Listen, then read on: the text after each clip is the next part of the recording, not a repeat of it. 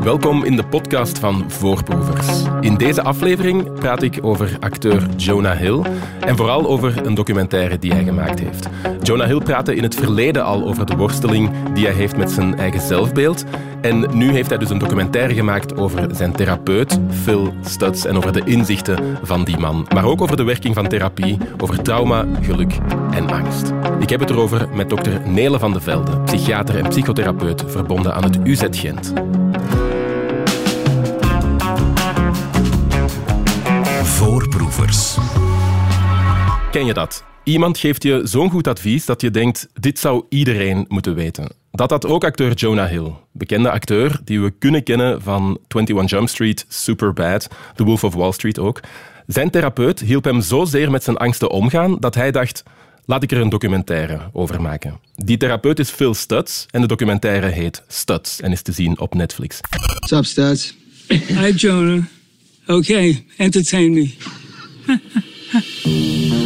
Just going to start by acknowledging how odd this endeavor is. A patient making a movie about his therapist. But my life has gotten immeasurably better as a result of working with you. If it worked for me, maybe it will work for other people. The average shrink will say, don't intrude on the patient's process. They will come up with the answers when they're ready. That's not acceptable. You have to give somebody the feeling that they can change right now. Over die documentaire heb ik het vandaag met psychiater Nele van de Velde. Nele, de premisse van Stutz is eigenlijk heel simpel. Hè? Jonah Hill, die acteur, praat met zijn uh, therapeut en wil de technieken van die therapeut eigenlijk bekend gaan maken bij een breder publiek.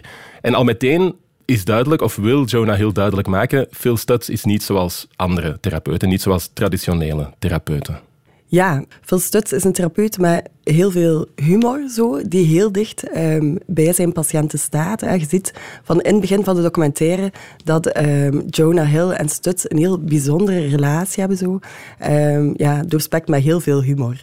Mm, ja, hij zet zich echt een beetje af tegen een soort van oude manier van aan therapie te doen. Hij vindt dat er uh, veel afstand is vaak uh, tussen, tussen patiënt en therapeut. En hij gaat in zijn omgang met, met Jonah Hill daar helemaal anders mee om. Je ziet echt, ja, ze worden bijna vrienden. en dan vraag ik me af, is dat een goed idee om vrienden te worden met je patiënt? Ja, lijkt mij een minder goed idee. Um, het is toch wel algemeen aangenomen als je therapeut bent, psychotherapeut, dat er toch bepaalde grenzen nodig zijn uh, met je cliënt, cliënten of patiënten. Um, dus vrienden worden lijkt mij uh, geen goed idee. Relaties hebben met patiënten is sowieso uit een boze. Um, maar het is wel moeilijk als de grenzen vervagen, omdat je als therapeut toch wel heel intieme informatie te weten komt.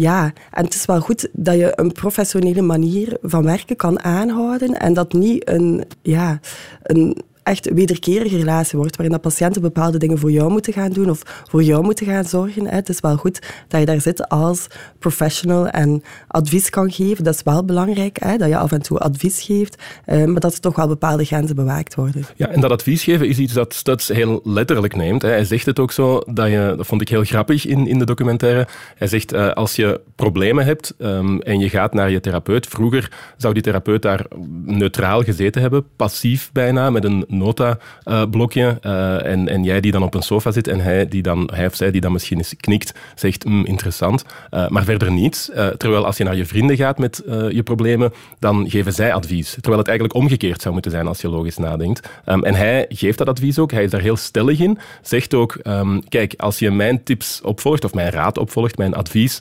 opvolgt, dan garandeer ik je dat je je beter zult voelen. Um, is dat iets dat jij ook zo doet, zo'n uh, actieve stellingname uh, doen?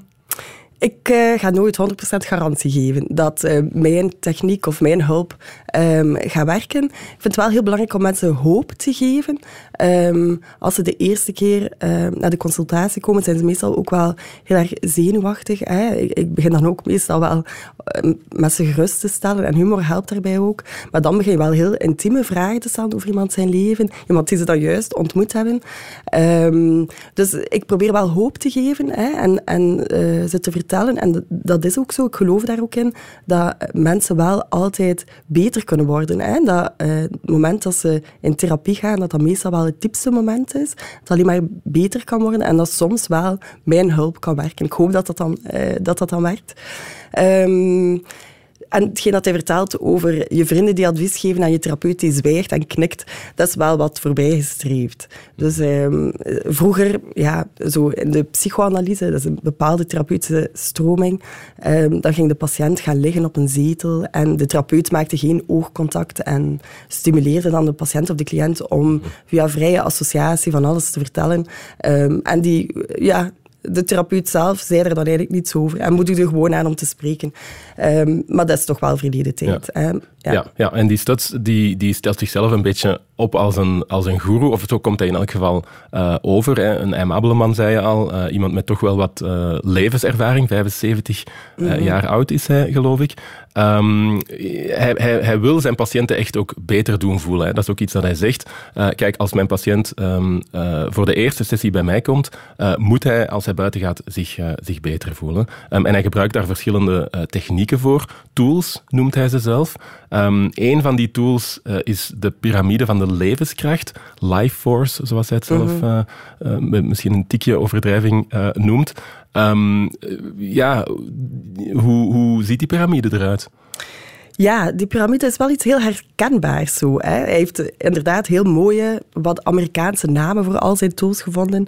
Um, en de Life Force eigenlijk, um, is een bepaalde piramide waarbij dat op het onderste niveau het lichaam staat. Daarboven staat personen of verbinding maken met personen. En bovenaan staat het zelf, je relatie tot jezelf.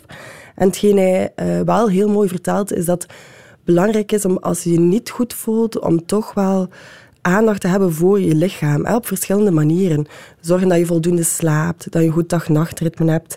Um, letten op je dieet, gezonde voeding, beweging. En dat zijn wel echt basisprincipes die ik ook toepas um, in therapie. Hè. We weten bijvoorbeeld ook dat, um, dat is wetenschappelijk onderzocht, dat uh, runningtherapie, lopen, bij depressie, um, bij mild tot matige depressie, even goed werkt als medicatie bijvoorbeeld. Dus zorgen voor je lichaam, uh, zeer belangrijk en ook effectief om je beter te voelen. Het niveau daarboven gaat over personen en verbinding maken met personen ja, als mens heeft iedereen nood aan uh, verbinding met anderen. Hè. Dat maakt dat we ons uh, goed voelen, dat we weer plezier kunnen ervaren ook. Um, en soms wordt dat wel vergeten. Als je minder goed voelt, ga je isoleren, ga je geen contact meer nemen met mensen. Um, en dat is ook wel heel belangrijk om, om uh, te stimuleren. Ja, en dan het bovenste topje is relatie tot jezelf. Ja, bovenste is relatie tot jezelf. En Stuts vertelt daarover dat als je goed zorgt voor het onderste niveau, je lichaam, en dan ook personen, verbinding maken met anderen, dat je dan ook zal ontdekken wat er belangrijk is voor jezelf. En dat je dan eigenlijk zal kunnen komen tot ja, bepaalde zingeving aan je leven. Ja, hè? ja. ja zo groundbreaking is dat toch niet, lijkt mij. Um, ja, is dat dan waar, waar therapie uh, zeker in het begin uh, op neerkomt? Die, die heel basisdingen, om die terug duidelijk te maken aan, uh, aan een patiënt? Ja, veel gaat wel over die basisdingen zo. Omdat mensen dat wel vergeten. Ze worden plots geconfronteerd met een bepaald symptoom. Hè angst, depressie. En dat gaat maken dat ze zich gaan isoleren, dat ze bij depressie meer in bed gaan liggen, veel minder gaan doen, minder goed gaan eten, gewoon geen fut meer hebben om te eten. En dan ja, verliezen ze soms wel echt de, de, de relatie met zichzelf. En om dan te gaan focussen op die basisdingen is wel zeer belangrijk en uh, kan heel helpend zijn. Maar soms hebben mensen daar wel advies bij nodig. Hmm, zeker voor die eerste kleine, om die ja. eerste kleine stapjes uh, te zetten. Um, ja, ik merk, het is natuurlijk jouw vakgebied. Je kent er uiteraard heel veel van. Um, hoe kijk jij naar zo'n film die toch voor een breed publiek gemaakt is? Wat, wat vond je er eigenlijk van? Um, ik moet zeggen, ik heb hem eerst gezien voordat ik uh, had toegezegd om het programma uh, mee te doen. En dan kijk ik vooral, is dat voor mij puur entertainment zo. Hè? En het heeft ook wel, de documentaire heeft ook wel een soort entertainment gehalte. Zo'n beetje voyeuristisch, Jonah Hill en zijn therapeut. En ja, ze spreken ook wel over persoonlijke dingen. Dus voor mij, als ik thuis kijk, um, is dat vooral ontspannend. En, en het is wel mooi als entertainment eh, documentaire. Als ik het dan opnieuw zag um, en dan vooral focuste op de tools en hoe dat, dat aansluit bij de hedendaagse um, therapeutische technieken, ja, dan is het wel vrij Amerikaans en ja, redelijk georganiseerd om dan ook wel te trademarken of er iets, iets anders van te maken. En ja, dat was voor mij minder. Ehm, Ja, was nog altijd interessant, maar minder. minder. Ja, als je naar, als je naar de website van eh, Phil Stutz gaat, eh, dan staat dat daar ook zo. Hè? Dus hij heeft een soort van ja, handelingspakket eh getrademarkt, gepatenteerd. The Tools heet dat ook, Ja. eh, in hoofdletters geschreven. ehm, en met zo'n eh, kleine R, met een klein cirkeltje, Ja. om te laten zien dat het trademarked is. Very American. Ja, en dat vond ik dan wel heel spijtig, want ik vond als ik de documentaire zag, ehm, ja, vond ik hem wel heel erg aangenaam. Dus zo'n aangename man, hoe dat hij spreekt, de humor dat hij gebruikt. En dan als ik de, de, zelf ook wat opzoekingswerk deed, dan was ik wel wat teleurgesteld om dat ertje daar te zien naast de tools. Mhm. Maar het werkt blijkbaar wel. Daar gaan we zo meteen nog verder over doorpraten. Mentaal welzijn bespreekbaar maken is ook wat Jonah Hill wil doen met zijn Netflix-documentaire Studs. Psychiater Nele van de Velde bekeek de film en is hier om erover te praten. Nele, we hadden het daarnet al over eh, de piramide van de levenskracht, een van die tools van eh, Phil Studs. Maar laten we het ook eens hebben over die andere tools, hè, want er zijn er wel een aantal. Ehm, het zijn een soort van concepten die Phil Studs gebruikt om eh, psychische problemen iets bevattelijker voor te stellen en oplossingen voor die problemen ook schematischer weer te geven of bevattelijker te maken. Ehm, eentje daarvan is iets wat hij The Shadow noemt, de schaduw. En dit is hoe hij dat concept uitlegt in de documentaire. Everybody has a shadow. Everybody's shadow is a little bit different, but on the, other hand, everybody's shadow is the same because it's the part of themselves they're ashamed of. The first thing you want to do is find your shadow. You have to be able to see this thing to focus on it and to, to know how to work with it. Yeah, you need a visual. So close your eyes. Now, visualize a time in your life when you felt inferior, embarrassed, rejected, despondent, that you're ashamed of it. It's the part of you that you wish you were not, but you are, and not only that, you can't get rid of it. The question is, what do you do with that image in the present? That's something from the past, right? Talk to your shadow and ask him how does he feel about you, how you've dealt with him, how you've treated him, and see what he answers. Now listen very carefully. The shadow needs attention, but he needs the attention not from the world. He doesn't need an Academy Award. The only being whose attention matters to your shadow is you. We hoorden dus eh, Phil Stutz, eh, mooie stem, ehm, die uitlegt dat ehm, de schaduw ja, iets is waar je je voor schaamt. Hè, een moment waarop je je ehm, inferieur, moedeloos, afgewezen voelde, dat je wilt verborgen houden voor eh, de wereld. En hij zegt ook, ja, dat is vaak iets uit het verleden, maar wat doe je daar vandaag mee? Wat vind je van dat beeld, Nele? Ik vond dat wel een heel mooi beeld, omdat dat doet Stuts wel goed om de dingen visueel te maken. Hè. Enerzijds door te tekenen, anderzijds door ook ehm, patiënten visualisatieoefeningen te laten doen. Hij zegt dan, sluit je ogen, stel je voor dat. Ehm, en de schaduw, ja, voor mij herinnerde mij dat aan een aantal concepten uit ehm, de cognitieve gedragstherapie en de schematherapie. Ehm, en deze therapie gaat ervan uit dat ervaringen die je hebt, en soms heel lastige ervaringen tijdens je kindertijd, dat dat ertoe bijdraagt dat je bepaalde eh, opvattingen hebt over jezelf, bepaalde schema's noemen ze dat. Hè. Bijvoorbeeld, ik ben minder waardig of ik ben niet veel waard. Ehm, als je bijvoorbeeld als kind gepest geweest bent of veel buitengesloten, het gevoel dat dat je nergens bij hoorde. En hetgeen dat we zien is dat die, dat die opvattingen over jezelf, dat je dat ook meedraagt als je volwassen wordt. En dat in sommige situaties, als er iets gebeurt, dat die heel sterk getriggerd kunnen worden, die schema's. Hè? En dat je terugvalt op ehm, die overtuigingen van jezelf. En dat dat gepaard, gaat met, of gepaard kan gaan met heel hevige emoties.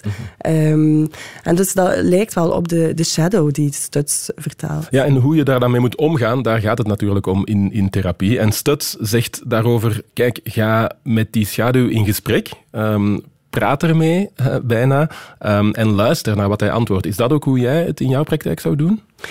Ja, het is wel belangrijk dat mensen patronen leren herkennen en leren zien en voelen ook hoe dat zij reageren op bepaalde situaties. Hè. En dat gaat dan over ehm, het gedrag dat ze stellen, de emoties dat ze hebben, de gedachten die ze daarbij hebben en hoe dat, dat toch wel een, een, een reacties gaat sturen op bepaalde zaken. En een eerste stap is daarbij wel herkennen zo. Herkennen wat er gebeurt en in welke situaties dat er, dat er moeilijke zaken gebeuren. Ehm, en dan pas kan je verder. Mhm. Je zei het daar net al, hè. Um, Stuts gebruikt heel vaak visualisatietechnieken. We hoorden het ook in het fragment um, dat hij vroeg aan Jonah Hill, kijk, sluit je ogen en stel het je voor. Uh, is dat een beproefde techniek in de psychotherapie?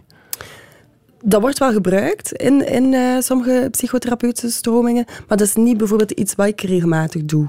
Um, maar het is wel iets heel krachtigs en zeker ook als je, net zoals Stuts, daar bepaalde emoties laat bij oproepen. Hè. In het voorbeeldje van de, van de shadow gaat dan ook over, ja, ga terug hoe dat je je voelt. Hè. Maar in andere fragmenten gaat het soms ook over het oproepen van een heel aangename emotie bijvoorbeeld. En we weten dat als je bepaalde dingen gaat inoefenen zo, en je gaat dat combineren met een bepaalde emotie, dat dat veel beter ingeprint wordt in de hersenen en dat dat veel werkbaarder is. Positieve emoties dan?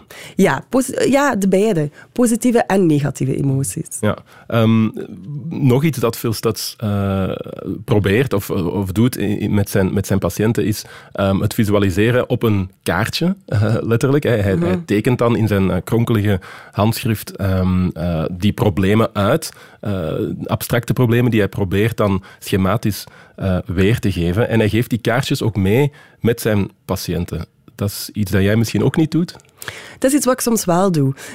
Um, dingen uittekenen en meegeven. Maar meestal gaat dat eerder over ja, hoe dat bepaalde medicatie werkt of hoe, dat bepaalde zaken in de hersenen eruit zien.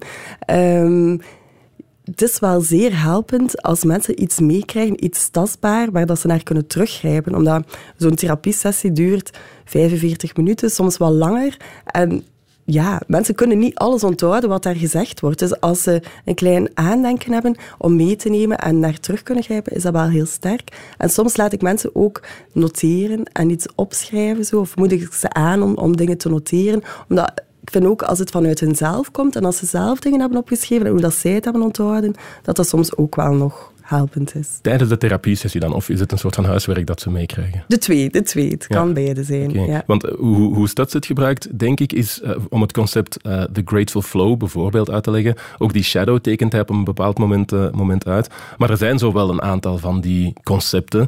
en ze hebben allemaal klinkende, klinkende mm. namen. part X is er zo eentje. Ja. Het, het Dolof, The Maze, um, Active Love, Radical Acceptance, The Grateful Flow. Ook weer heel Amerikaans. Um, hoe nieuw zijn die concepten eigenlijk? Ik denk dat Stuts vooral een heel goede job heeft gedaan om alles in mooie concepten te gieten en dat visueel te maken en daar een mooi geheel en verhaal rond te bouwen. Ik denk dat hij dat heel erg mooi doet. Um, maar zijn dat radicaal vernieuwende concepten? Dat kan ik niet zeggen. Nee, een uh, beetje oude wijn in nieuwe zakken misschien, maar het werkt wel. Uh, want naar verluid zit half Hollywood bij Phil mm op, uh, op de sofa. Eh, Jonah Hill kreeg de naam van Studs door van Joaquin Phoenix, denk ik, collega-acteur. Um, en ik denk dat Studs vooral een heel goede job heeft gedaan om zichzelf in die Hollywood-markt te plaatsen. Want hij bekijkt het leven ook echt bijna als een Hollywood-verhaal. Dat kwam ook naar voren in die, in die documentaire, vond ik. Um, over dat Part X bijvoorbeeld, het teeltje X, daarvan zegt hij letterlijk dat dat um, een, een soort van slechte kracht is die je ervan wil weerhouden om jouw uh, volle potentieel te bereiken. Bijna een antagonist die jou tegenwerkt en die jij letterlijk moet, moet overwinnen. Um, het, het is echt ja, het is een, het is een Hollywood-verhaal. Ja, ja. Het is, eh, ja, het is eh, Hollywoodiaans en tegelijkertijd ook wel um, makkelijker te onthouden als er zo'n verhaal rond gebouwd wordt. Hè. De part X of de, zo de, de, de slechterik um, kan je ook wel zien als je innerlijke criticus. Zo, hè. De, of een engeltje en een duiveltje. Dat is ook iets wat ik gebruik in therapie soms. Hè. Je hebt enerzijds dat engeltje dat zegt, ja, zorg goed voor jezelf, ga gaan sporten, eet gezond, zorg dat je naar buiten gaat. En dan heb je daar anderzijds dat duiveltje dat zegt, ja, nee, je bent niet zwaar, je kan maar beter in je bed blijven liggen. Niemand wil, wil je zien, niemand vindt je leuk. Dus ik vind dat Stut het wel op een heel... Ja, dat is wel zijn kracht, dat hij het op een heel mooie manier kan verwoorden en een verhaal heeft rondgebreid. Ja. Mhm, mhm. Nog iets dat, um, dat Phil Stutz, als je, als je naar hem uh, luistert, Um, en de documentaire ziet verder gaan, merkt is dat hij um, een goede band heeft met uh, Jonah Hill, dat zeiden we daarnet al. Maar ook dat er, dat er een soort kanteling langzaamaan gebeurt in de film, waarbij iets dat begint als een interview, als een uh, gesprek um, van Jonah Hill met zijn therapeut, ja, gaandeweg bijna een therapiesessie wordt tussen die, tussen die twee mannen. Vond ik wel interessant om te zien. Ja, vond het ook heel mooi om te zien zo. Um, hoe dat eigenlijk Jonah Hill bijna die dan de therapeut wordt van Stuts. En helemaal op het einde, ja, ik ga, het misschien niet verklappen, belt hij zo nog eens om, om, om uh, iets van informatie te bevestigen.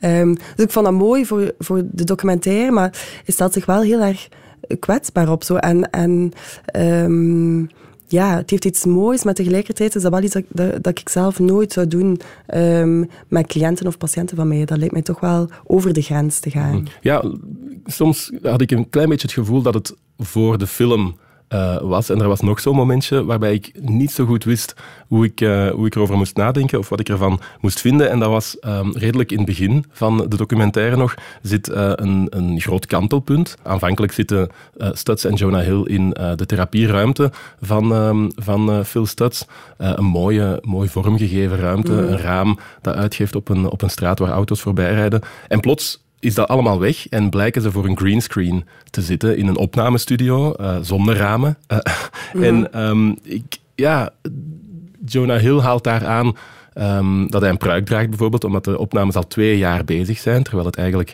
zogezegd op één dag uh, zich, mm -hmm. zou afspelen.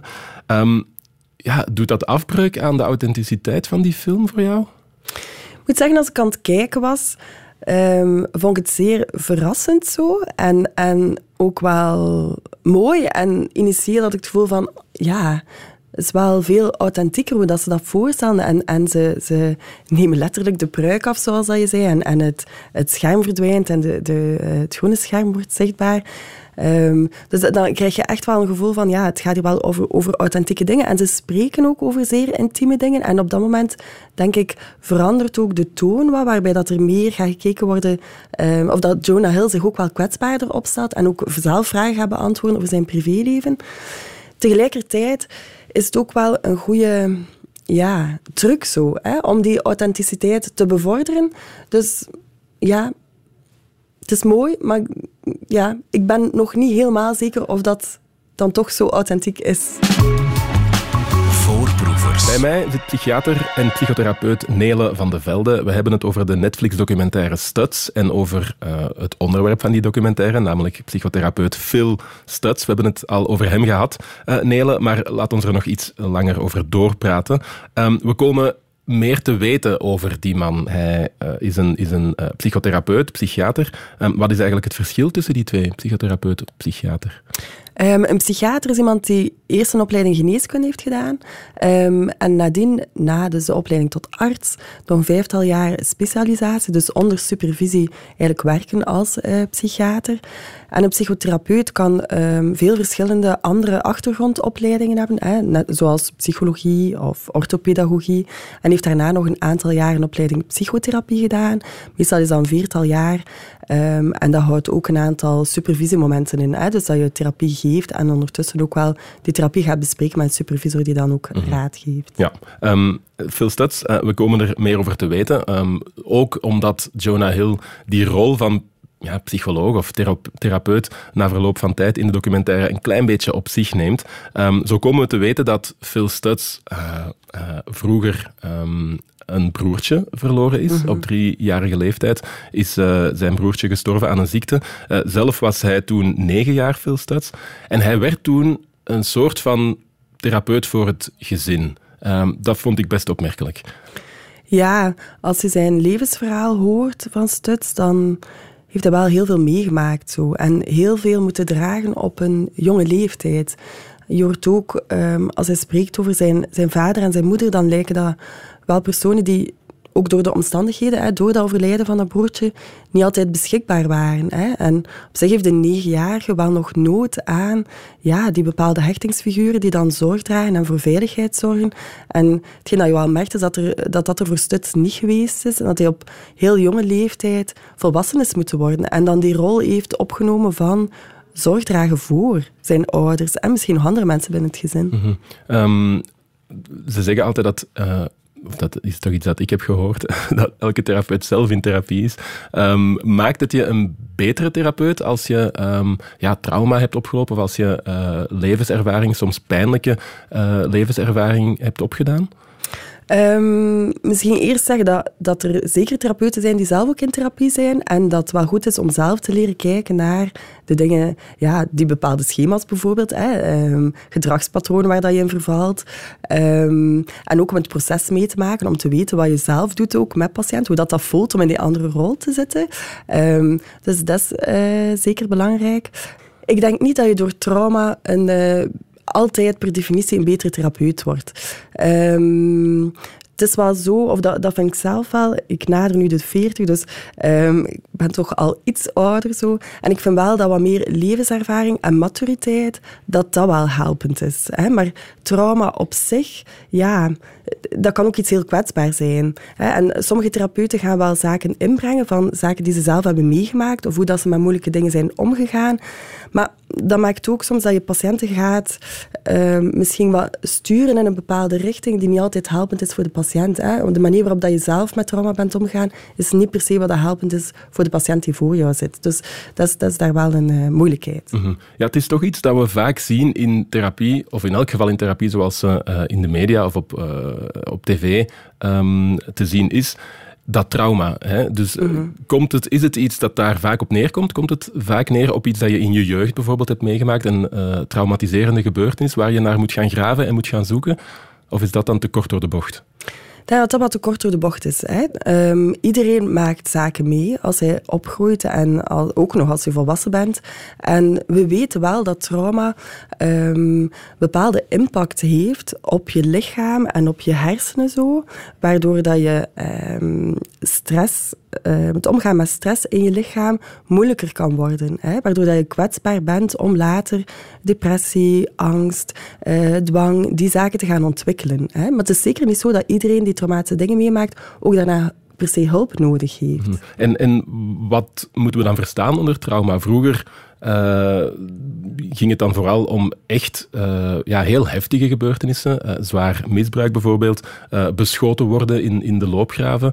Um, terwijl ik, onlangs gelezen heb dat er bijna een soort inflatie van het woord trauma bezig is, waarbij nu ook vaak dingen die ja, veel minder heftig lijken, dat die toch ook als traumatiserend um, beschreven worden.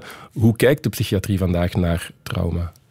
Nu, het is zo dat in de psychiatrie um, moeten we terugvallen op een groot handboek dat we hebben. En dat is eh, de DSM-5. Hè. Um, het is een handboek dat wordt eigenlijk opgesteld door allerlei experts ter zake, die om de zoveel jaar samenkomen en daarin een beschrijving geven van alle verschillende ziektebeelden die er kunnen voorkomen. Um, en dat is dan de basis om onderzoek te doen. En daarin worden ziektebeelden beschreven aan de hand van een aantal criteria. Dus uh, trauma en posttraumatische stoornis, wat dan uh, het ziektebeeld is dat je kan zien bij iemand die een trauma heeft meegemaakt, dat staat erin beschreven. Hè, en de definitie daar is wel zeer gelijkend als wat jij vertelde. Hè. Um, ja, in de loopgraven beschoten worden of ja, een ernstig verkeersongeval of seksueel trauma, die zaken. En ik merk wel dat het woord trauma of traumatiserende ervaring, dat dat steeds meer in de mond genomen wordt. Hè, dat daar uh, veel over gesproken wordt.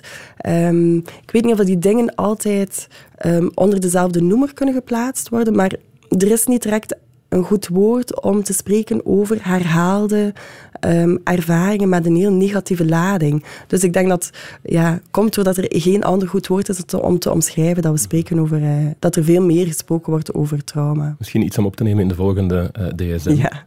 um, nog een mogelijk trauma, laten we maar, uh, maar zeggen, dat Phil Stutz te verduren kreeg, is de ziekte van Parkinson. Mm -hmm. Hij kreeg die diagnose als jonge man. Ja, je merkt daar ook, vandaar ook die, dat, dat kronkelige handschrift van hem. Um, je merkt daar ook weer dat dat hem, naar mijn aanvoelen, iets wijzer maakt of toch meer het aura van een soort guru uh, geeft. Had jij dat ook? Ja, het, het geeft hem zo, zeker in het begin, waar hij zich vooral positioneert als de expert zo. Ehm, en dan zie je hem schrijven zo in dat kronkelige handschrift, dat geeft hem iets, iets kwetsbaars ook. Het feit ook dat hij zijn medicatie moet nemen en ze maken daar ook een grapje over. Het, is tijd voor je drugs of zoiets, zeggen ze.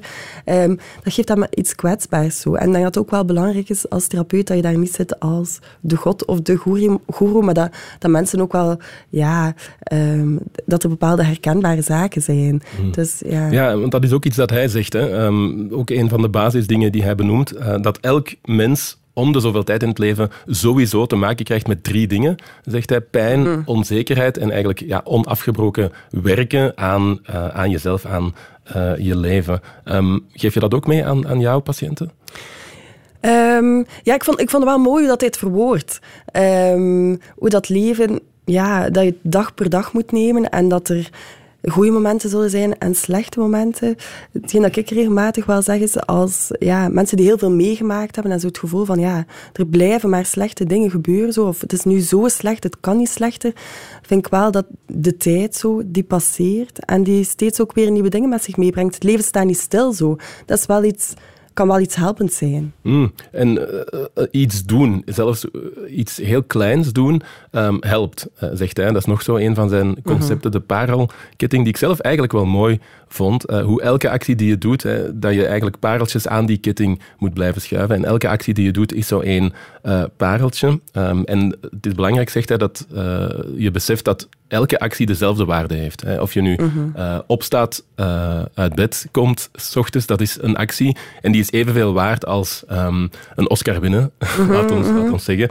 Um, en dan maakt hij er een kanttekening bij dat er in al die pareltjes ook een klein drolletje zit. Uh, vond ik wel grappig. Om te zeggen dat dus geen enkele actie die je doet perfect zal zijn. En dat dat iets is dat je moet, moet aanvaarden.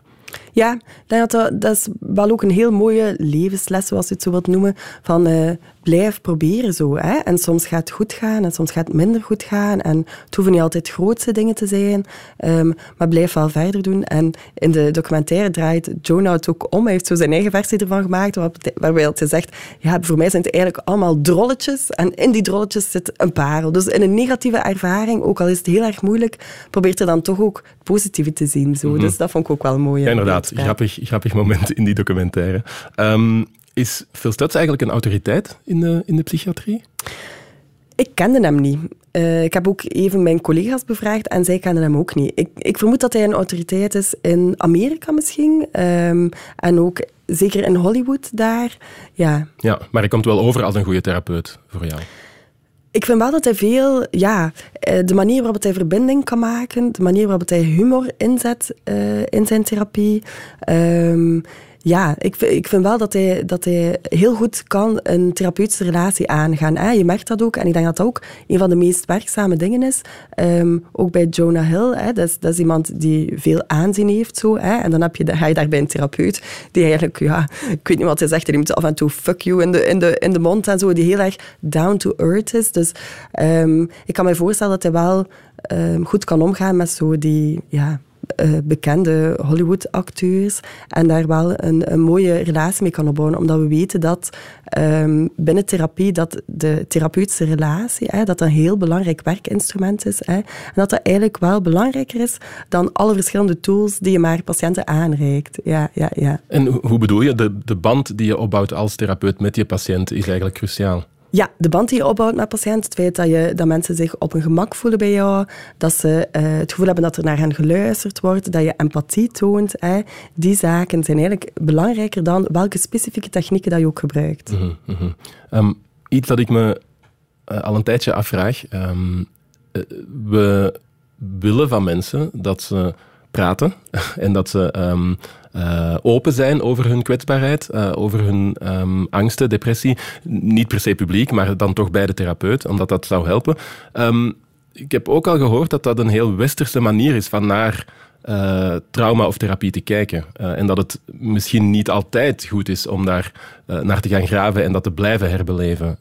ja, hoe, ik zie je knikken, hoe, hoe kijk jij daar naar? Ja, um, het is wel herkenbaar wat je vertelt. Hè. We, ja, mensen zijn gewoon om in therapie te gaan en te spreken. En soms maakt dat, dat spreken dat je nog meer vastzit. En bijvoorbeeld op de afdeling waar ik ook werk, waar mensen opgenomen worden, daar hebben we naast uh, groepstherapie, waar dat gaat over spreken, hè, hebben we ook bepaalde non-verbale therapieën. Hè, therapieën waar het niet gaat over spreken, maar dat gaat, meer gaat over bepaalde ervaringen opdoen. Zo, hè. Dan hebben we uh, danstherapie bijvoorbeeld, of dramatherapie, hè, waarin dat je een bepaalde rol gaat kruipen, of door woord en uh, dingen te gaan uitbeelden, dingen gaan kunnen aanvoelen zo, hè, en dingen meemaken, meer dan erover spreken. Mm -hmm. Merk je nog altijd een taboe uh, rond therapie en in therapie gaan? Toch wel, toch wel. Er zijn veel mensen die niet vertellen tegen familieleden bijvoorbeeld dat ze bij mij komen, of die zich ongemakkelijk voelen als ze in de wachtzaal zitten, hè, of dat ze toch niemand zouden tegenkomen die ze kennen. Um, dus er is zeker wel nog een taboe rond. Maar ik merk wel dat zo'n documentaire zoals die van Stuts, of um, ik hoorde vorige week nog iemand vertellen over Patiënt Pedro, het televisieprogramma dat er is, dat dat toch wel het stigma vermindert, hè, dat dat toch wel makkelijker maakt. Ja. Kan zo'n documentaire als uh, Stuts een therapiesessie vervangen? Ik denk dat ik het antwoord al weet, maar ik vraag het toch. Nee. Nee, nee. nee. Uh, maar het kan misschien helpen om een paar dingen anders te bekijken of te relativeren. Zeker, zeker, ja. ja. Dat heeft het uh, bij mij toch gedaan, misschien bij jou ook, Nela van de Velde. Studs dus, de documentaire van Jonah Hill over zijn therapeut Phil Studs te bekijken op Netflix. Dr. Nela van de Velde, heel erg bedankt om hier te zijn um, en om uh, boeiend te vertellen over, over therapie en over die documentaire. Dit was Voorproevers over de documentaire Stads. Alle eerdere afleveringen van onze podcast vind je op VRT Max. En je kan ons horen op Radio 1. Van maandag tot donderdag tussen 6 en 7 s avonds en op zaterdag tussen 12 en 1.